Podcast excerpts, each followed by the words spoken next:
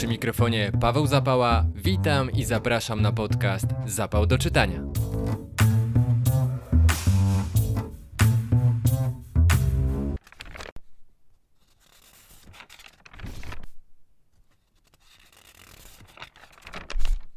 Dwunasty odcinek podcastu ukazuje się równo rok po eskalacji działań wojennych Rosji na terytorium Ukrainy, dlatego moim gościem i to prosto z Kijowa jest Marcin Gaczkowski, literaturoznawca, historyk, nauczyciel akademicki, publicysta, wreszcie tłumacz literatury z języka ukraińskiego i rosyjskiego. Witam serdecznie. Cześć. Przedstawiając Cię, wspomniałem, że przybywasz obecnie w Kijowie. Wspomniałeś mi też wczoraj, że podróż do stolicy Ukrainy zajęła Ci 20 godzin. Jak w tej chwili wygląda sytuacja w mieście? Jakie nastroje panują wśród, wśród mieszkańców? Przez chwilę e, nie jeździłem e, do Ukrainy. Od jakiegoś czasu już tam, już tam wracam i staram się żyć też swoim e, normalnym ukraińsko-polskim życiem. W mieście sytuacja wygląda dość optymistycznie. Prawdę mówiąc, ja od czasu 2013 roku, od czasu Euromajdanu, takiej uroczystej, zorganizowanej, silnej Ukrainy nie widziałem. To znaczy ja jestem takim człowiekiem, który, który rozmawia, nie wiem, z paniami w sklepie, z taksówkarzami, z ludźmi na dworcu i generalnie nastroje są optymistyczne. Wszyscy czekają na zwycięstwo, wierzą w swoje państwo, wierzą w swoją armię. To nie jest tylko propaganda, tylko rzeczywiście takie są, takie są nastroje.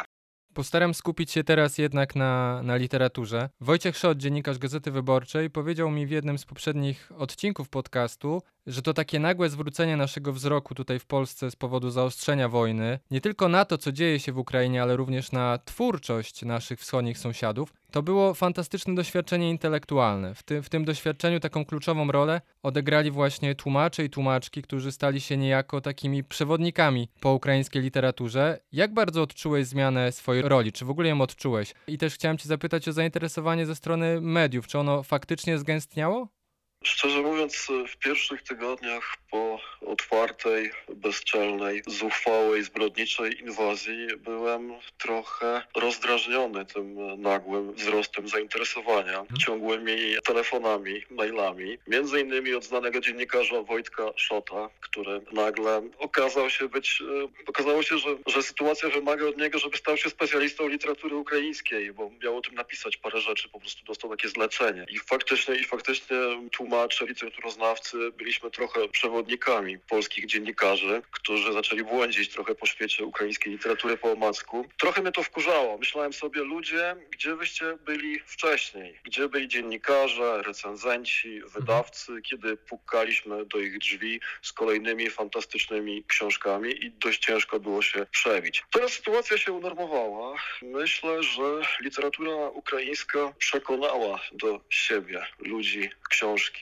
i czytelników nie tylko tym, że jest ukraińska i że tak się złożyło, że Ukraina stała się centrum świata, bo prowadzi wojnę z Rosją Putina, ale dlatego, że to są fajne książki, fajne autorki, fajni autorzy, szczególnie bliskie nam Polakom, bo to jest trochę jakbyśmy czytali dobrze znaną nam historię, ale z drugiej strony lustra, tak sobie to wyobrażam, to znaczy sytuacje, charaktery, typy psychologiczne, nurty dziejowe i ideologiczne opisywane przez autorów ukraińskich są nam bliskie, tylko pokazywane z nieco nieoczywistej dla nas perspektywy. Myślę, że to jest ciekawe i że to nie jest chwilowa moda, ale ci autorzy i autorki ukraińskie zostaną z nami już na długo. To zostajmy przy tych książkach. W zeszłym roku za sprawą Kolegium Europy Wschodniej ukazały się dwie książki, za których przekład odpowiadasz. Ta pierwsza to Córeczka Tamary Dudy, z którą miałem okazję porozmawiać zresztą w trzecim odcinku podcastu. Ta książka najbardziej zaskoczyła mnie tym, że choć tematycznie, a nawet biorąc pod uwagę lokalizację fabuły bardzo blisko jej do internatu Serhija Żadana, to jednak jest dla niej taką przeciwwagą, przynajmniej ja tak uważam. Było mi bowiem momentami dosyć niekomfortowo, że w trakcie lektury tak często się śmieje. Czy podczas tłumaczenia też się na tym łapałeś? Bo, bo Duda wspominała mi w rozmowie, że bardzo zależało jej na tym, by ten śmiech ukazać, bo, bo to jest taki rodzaj bezpiecznika, który w trakcie wojny chroni właśnie przed popadnięciem w obłęd, w szaleństwo To mi się zdarza bardzo rzadko, ale podczas lektury córeczki już w oryginale też e, kilka razy zdrowo się e, uśmiałem. Tłumaczyłem tę książkę jeszcze w nieco innej e, atmosferze. Jeszcze na długo, na, ki- na kilka miesięcy przed inwazją 24 lutego, kiedy wojna we wschodnich obwodach w Ukrainy tak naprawdę mało kogo interesowała. Trochę się do niej przyzwyczaiłem również ja, więc stan napięcia był trochę inny. Humor był. Humor ten ukraiński starałem się przenieść na nasz szeleszczący grunt e, polszczyzny i e, moim priorytetem, ja również myślałem o internacie, tak, to jest, to jest cenna uwaga. Przygotowując tę książkę e, dla polskich czytelników, pomyślałem sobie, że ta książka ma walor przystępności, walor lekkości i że muszę zrobić wszystko, żeby mi się udało to tak napisać po polsku, żeby również było lekko przyswajalne, żeby się po prostu dobrze czytało, gładko wchodziło. No i już z pierwszych recenzji, zaraz po, po, po ukazaniu się książki, zrozumiałem, że mam ten mały sukces, że się, że się udało, że to właśnie, że to właśnie tak działa, że po pierwsze się fajnie czyta, a po drugie, że polski czytelnik e, faktycznie sporo z tej książki rozumie, bo jest to ważka tematyka, niekiedy tragiczna, ale ukazana w przystępny, czasem e, ja bym powiedział nawet już bez strachu dość e, popularny sposób. E, I czytelnicy mówili mi to w, wprost, bo znaczy książka miała taki oddźwięk, to, oddźwięk, to się rzadko zdarza, że, że faktycznie ja też e, bardzo dużo odebrałem wiadomości z podziękowaniami za, za książkę po polsku, za dodane kalendarium, za posłowie i tam właśnie się powtarzało, że, że nareszcie coś zrozumieliśmy. Internat jest taki trochę bardziej enigmatyczny. Tam ten nauczyciel Pasza idzie, dąży, jest tam wiele takich niedomówień, ten świat nie jest czarno-biały i niezorientowany czytelnik tak niekiedy może nie zrozumieć do końca, kto jest kim w tej książce. W córeczce mamy to wyłożone w nieco bardziej dobitny sposób. Ojej, tego Wojsk, Wojtka Szota chciałbym pozdrowić i przeprosić. Fajnie, że on się odezwał wtedy w marcu 2022 roku. To też zaczęliśmy ciekawą przygodę i ciekawą współpracę, jak i z wieloma innymi dziennikarzami, którzy nagle odkryli dla siebie literaturę ukraińską. A niektórzy za sprawą córeczki właśnie. W grudniu zeszłego roku ukazała się kolejna książka, za której przekład odpowiadasz, czyli Świetlana Droga obóz koncentracyjny w Doniecku, której autorem jest Stanisław Asijew. Książka kilka dni temu została nominowana do tegorocznej 14. edycji Nagrody imienia Ryszarda Kapuścińskiego. To reportaż, a właściwie zapis wspomnień z tytułowego obozu, nazywanego izolacją w kontrolowanym przez prorosyjskich separatystów. Asijew wylądował tam ze względu na swoją dziennikarską działalność, gdy, gdy pozwolił sobie publicznie powątpiewać w suwerenność Donieckiej Republiki Ludowej. Gdyby tak jak w przypadku córeczki była to proza, choć na końcu książki akurat możemy zapoznać się z takimi prozatorskimi próbami autora tworzonymi właśnie w obozie, to chyba jeszcze trudniej byłoby uwierzyć w to, co, w to, co przeżył na własnej skórze Asijew podczas ponad e, chyba 960 dni spędzonych w niewoli. Szokujące, ale wymowne było też to, czym w tym drugim, poprzednim wcieleniu była, była izolacja. Może tutaj postawię kropkę i i ty tutaj zdradzisz, y, jak wyglądała historia tego miejsca w ogóle. Świetlanej Drogi to ulica na południowych przedmieściach Doniecka. Przy tej ulicy w czasach sowieckich funkcjonowała fabryka materiałów izolacyjnych. W okresie Prosperity tam pracowało nawet kilka tysięcy osób. Wszystko to podupadło w latach 90. w związku z upadkiem Związku Radzieckiego i zamknięciem rynków zbytu. Potem pojawiła się w tym miejscu taka pani, która nazywała się Lubow Michajliwna, córka ostatniego wieloletniego dyrektora fabryki, która przyjechała z oceanu, z Ameryki, miała trochę kasy i kontaktów i otworzyła, otworzyła w tym miejscu coś zupełnie dla Doniecka niebywałego, czyli nowoczesne centrum sztuki, miejsce spotkań, przestrzeń dla instalacji artystycznych, performansów, rezydencji z biblioteką, debatami, gośćmi, artystami, intelektualistami z całego świata. To było w 2010 roku i dość szybko stało się solą w oku prorosyjskich, tęskniących za minionym systemem środowisk w Doniecku. Praca tego ośrodka dość często była zakłócana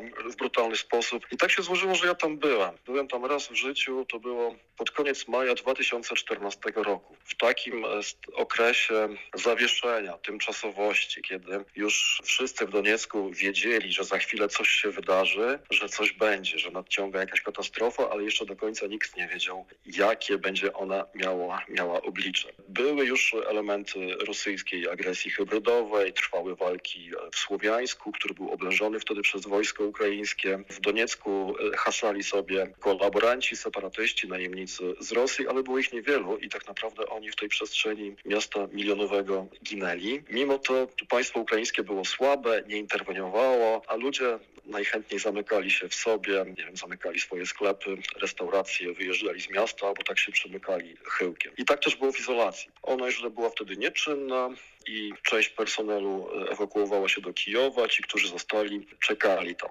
czekali na coś, co ma nastąpić. To był taki stan przypominający oblężenie. I faktycznie to nastąpiło. To znaczy dwa tygodnie później tam wparowali ludzie, których pracownicy izolacji świetnie znali, ich sąsiedzi o prorosyjskich poglądach, takie, takie bojówki organizacji, która nazywała się Republika Doniecka, która wówczas właśnie proklamowała quasi niepodległą republikę. Więc majątek, dorobek fundacji został rozgrabiony, część eksponatów trafiła na złom, utracono bibliotekę, komputery i bardzo wiele unikatowych dzieł sztuki. I to już było skandalem, było wiele protestów, listów otwartych. Wydawało się, że to jest, że to jest właśnie no, najgorsze, co mogło spotkać to miejsce, piękne miejsce, izolacja. Jak wszystkie miejsca w przestrzeniach postindustrialnych, no to jest, to jest po prostu bomba. To miejsce, to miejsce, to miejsce było fantastyczne. Ale okazało się, że najgorsze dopiero przed nami. Jeszcze latem tegoż 2014 roku pojawiły się plotki, że w potężnych piwnicach dawnej fabryki są przetrzymywani ludzie niewygodni dla nowego systemu i są nawet tam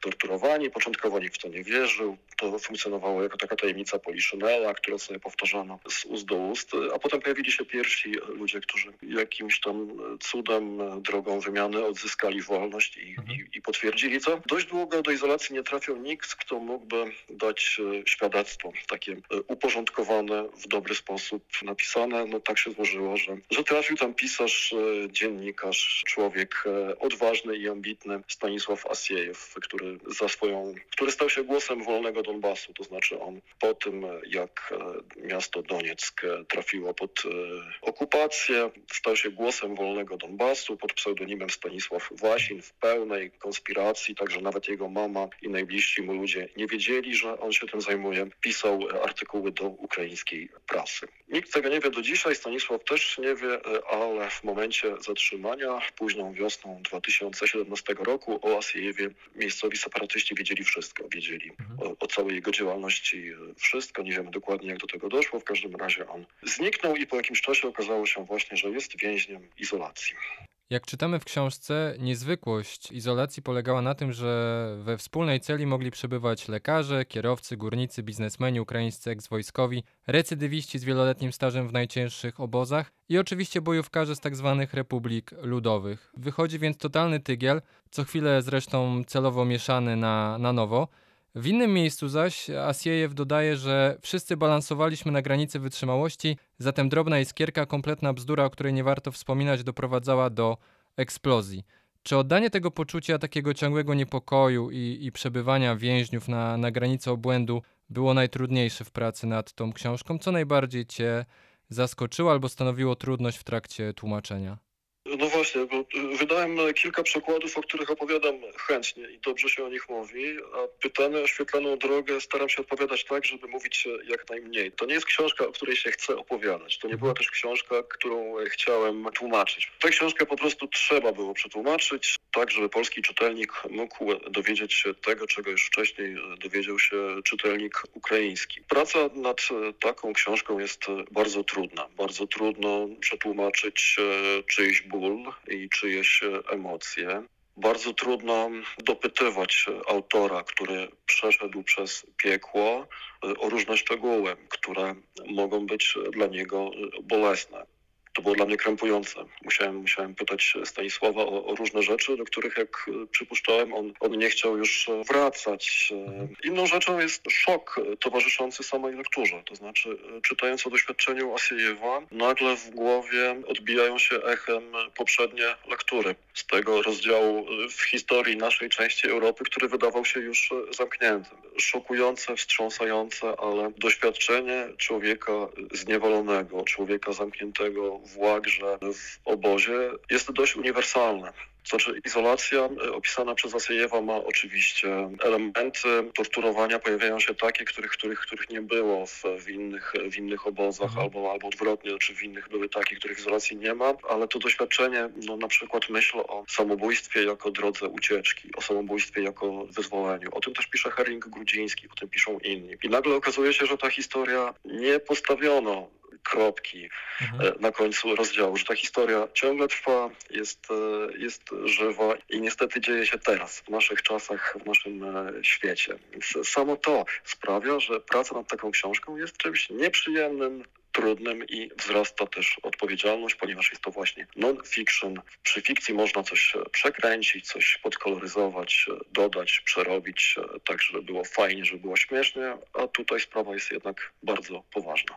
Chciałbym zostać przy tej lokalizacji samego miejsca izolacji. Asiejew przyznał, że, że celem jego książki było przede wszystkim opisanie życia w tym obozie nazywanym e, donieckim Dachau. Miejsca, które oficjalnie nie istnieje. Szybko orientujemy się jednak, że większość, jeśli nie wszyscy mieszkańcy Doniecka musieli zdawać sobie sprawę z jego istnienia albo z tego, co dzieje się w tych, w tych piwnicach, ale panowała swego rodzaju... Uważny czytelnik córeczki Tamary Dudy również natknie się na wzmiankę o, o izolacji. Tam jedna z negatywnych bohaterek, e, właśnie która popierała separatystów i ten ruch prorosyjski, nagle ląduje w piwnicy na terenie dawnej fabryki. To właśnie mowa jest o izolacji, tak. Mhm. Już sama lokalizacja tego miejsca, wokół którego toczy się, przyjmując odpo- oczywiście odpowiednie proporcje, no toczy się normalne życie i, i, i to o tym świadczy, bo sami skazani widzą, że wokół coś się dzieje i to bardziej ich jeszcze dobija, że jakby wszyscy widzą albo przynajmniej domyślają się, kto, kto tam przebywa i nikt tak naprawdę nie może im pomóc, a, a to sprawia, że, że ten fakt napędza oprawców, czują się jeszcze bardziej bezkarni. Czy ciebie też to uderzyło, że to miejsce funkcjonuje właściwie w, w pobliżu, w sąsiedztwie budynków, w których, w których mieszkają ludzie? Zło jest bliżej niż myślimy. Jedna rzecz to lokalizacja, no to nie jest, to nie jest centrum, ale, ale rzeczywiście wokół, wokół są, są, są osiedla i, i, mieszkają, i mieszkają ludzie. Druga rzecz jest e, taka i Stanisław Asiejew też o tym pisze. Ci ludzie, którzy, e, którzy znęcali się nad więźniami nielegalnego obozu izolacja, to byli, to byli miejscowi. To byli ludzie z ukraińskimi, z ukraińskimi paszportami. To byli ludzie, z którymi e, ci więźniowie chodzili tymi samymi ulicami, jeździli autobusami. O tym, o tym jest też mowa. Więc tak, to zło jest często bliżej niż, e, niż myślimy. Ono się czai tuż za naszymi plecami i być może jeśli staramy się teraz i, i wielu z nas wierzy w budowę lepszego świata, no to musimy zacząć od swojego najbliższego otoczenia. A propos tego zła, to, to po przeczytaniu tej książki utwierdziłem się w przekonaniu, że, że dla ludzi nie ma granicy spotwornienia. Mam tu na myśli choćby iście szatańską postać tak zwanego pana i władcy izolacji, niejakiego pałycza, jeśli, jeśli dobrze pamiętam. Drugie takie moje przekonanie, w którym się utwierdziłem, to to, że ludzie faktycznie są z plasteliny i i praktycznie do każdej sytu- sytuacji, takiej granicznej sytuacji zwłaszcza, są w stanie się, się dopasować. A wreszcie, a propos plasteliny w sumie, bardzo plastycznie ukazany został przez Asiejewa syndrom sztokholmski. On często do niego wraca w tej książce. Asiejew pokazuje go na przykładzie takiego regularnego obrażania więźniów, którzy w pewnym momencie zaczynają współczuć tym oprawcom, którzy katują ich nieco mniej dotkliwie, którzy nie, nie używają jakichś bardzo wulgarnych słów choćby albo, albo nie są tak bardzo natarczywi w swoich postępkach. I autor nieraz podkreśla w książce, że takie niszczenie psychiczne, ciągłe wrzucanie na emocjonalny roller coaster było nierzadko większą torturą niż choćby okładanie pałką czy, czy rażenie prądem podczas e, przesłuchań. Zresztą w posłowiu pisze, że lekturze świetlanej drogi towarzyszą taki ból bez mała fizyczny i, i poczucie grozy. Ja się z tym w pełni zgadzam, a najgorsze jest to, że to dzieje się teraz. Literatura obozowa to nie jest wcale żadna tam przeszłość, to, to jest jakiś tam przecinek w historii, więc to poczucie dy- dyskomfortu nie tylko towarzyszy lekturze, ale zostaje także po niej. No niestety, niestety. Są też, są też takie książki, które wymagają od czytelnika opuszczenia strefy komfortu. To posłowie, które napisałem, jest takie trochę naiwne, trochę, trochę patetyczne, ale gdybym je pisał jeszcze raz, to właśnie w ten sposób e, bym napisał, bo rzeczywiście jest to, jest to, jest to wstrząsające, ta świadomość niedomknięcia pewnych rozdziałów historii, poczucie grozy, ale też poczucie winy, że gdzieś popełniliśmy błąd, nie wiem, nawet my użyję napuszonego słowa, e, intelektualiści polscy, że, że coś że coś przeoczyliśmy, że należało krzyczeć głośniej, zainteresować się, się bardziej. I dopóki nie skończy się piekło naszych sąsiadów, bliskich nam kulturowo, to, to poczucie winy pewnie będzie mi towarzyszyć. Wspomniałeś o tym, że rozmawiałeś z, z autorem o tej książce. Choćby przy, w trakcie oficjalnej premiery książki w Polsce w, w grudniu. Oj, i całe, i, całe, i całe szczęście, i całe szczęście, że, że mogliśmy się spotkać, e, porozmawiać, że zobaczyłem, że to jest e, normalny chłopak, który się śmieje, e, żartuje, upłynęło już trochę czasu i jego rany pewnie nigdy nie zostaną do końca uleczone. Te, ta, ta, trauma, ta trau, trauma psychiczna, ale widać, że radzi sobie lepiej i też lepiej sobie radzi z nim człowiek taki jak ja, który czuje się niezręcznie, jakby, to on był w, w obozie tortur, on o tym e, napisał, wobec niego mam dług. Kiedy widzę, że on jest normalnym facetem, to też czuję się, czuję się o wiele lżej i też mogę z uśmiechem wreszcie mówić o tej książce, bo tak na początku nie, niespecjalnie mi się chciało o tej książce opowiadać. No właśnie chciałem cię zapytać o tę rozmowę z samym Asyjewem, biorąc pod uwagę, co przeżył, też co się stało w trakcie tej eskalacji rok temu. Czy to była rozmowa z gatunku tych, w których w trakcie trzeba się dwa razy zastanowić, jakie jakie zadać pytanie? Często gryzłeś się w język, żeby, żeby o coś jednak nie zapytać? Z taką myślą szykowałem się do tego spotkania, że będę się gryzł w język. Nie, nie gryzłem się w język. To znaczy Stas jest oczywiście ciekawą postacią, to jest człowiek e, poszukujący. To, że to on właśnie trafił do niewoli nie jest oczywiście w jakimś sensie przypadkiem. On sobie musiał zdawać e, sprawę e, z ryzyka, z jakim wiąże się pisanie pod pseudonimem artykułów do ukraińskiej prasy, robienie reportaży z terenów okupowanych. Jest w jego biografii ciekawy epizod, epizod wyjazdu do Legii Cudzoziemskiej, mhm. z której szybko powrócił. Pewnie przy okazji go warto by było o to dopytać, o co tam właściwie chodziło. Po 24 lutego Stas, tak jak wielu ludzi, szuka najlepszej drogi, szuka najlepszego sposobu zareagowania na, na rosyjską agresję. Wywiózł mamę z Kijowa na zachód Ukrainy, potem wstąpił do obrony terytorialnej. Później zaczął trochę jeździć po świecie, to się wiąże z kolejnymi przekładami jego książki. Niedawno, no stosunkowo niedawno założył fundację która ma na celu szukanie, zbieranie środków na szukanie po całym świecie rosyjskich zbrodniarzy wojennych do skutku. A tak naprawdę jeszcze, jeszcze, jeszcze do końca nie wie, co ma zrobić, w jaki sposób najlepiej zareagować. To jest też to jest intelektualista, właśnie religioznawca, człowiek pióra, który nie przygotowywał się w zasadzie do tego, żeby walczyć o swój kraj z bronią w ręku. Więc zawsze jest ten dylemat, jak walczyć słowem czy czynem. Czy w czasie wojny muzy mają milczeć, czy wręcz przeciwnie, przemawiać głośno, co przynosi lepszy efekt. O tym milczeniu i, i o słowie chciałbym Cię jakoś jeszcze zagaić. Jak w ogóle funkcjonują w tej chwili, czy, czy w ostatnich miesiącach, wydawnictwa literackie w Ukrainie. Książki pojawiają się na rynku w mniejszej liczbie, takiej samej, z przerwami. Jak w ogóle wygląda sytuacja Twoich kolegów i koleżanek po fachu, czyli tłumaczy i tłumaczek?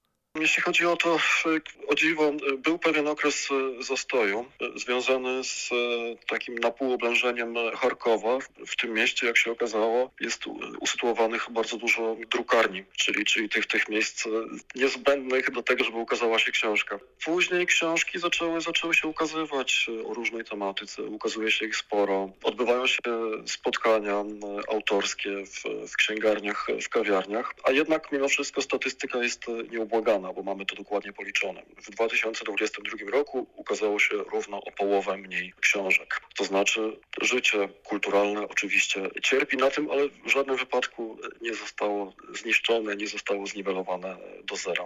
Zobaczymy, jak będzie z, z, z literaturą, to znaczy mówiąc wprost, jak długo będziemy musieli czekać na dobrą, soczystą ukraińską prozę na ten temat. To, że ona powstanie, nie mamy wątpliwości, ale nie wiemy kiedy. Być może będziemy musieli czekać na nią latami. Na razie powstało sporo wierszy, czyli tych emocji najgłębszych, największych, skondensowanych do, do wersów krótkich, zwięzłych, lakonicznych. I, I to wszystko świadczy o tym tak, że nie, ukraińska muza absolutnie nie zamilkła w mhm. czasie, w czasie wojny i nie zamilknie.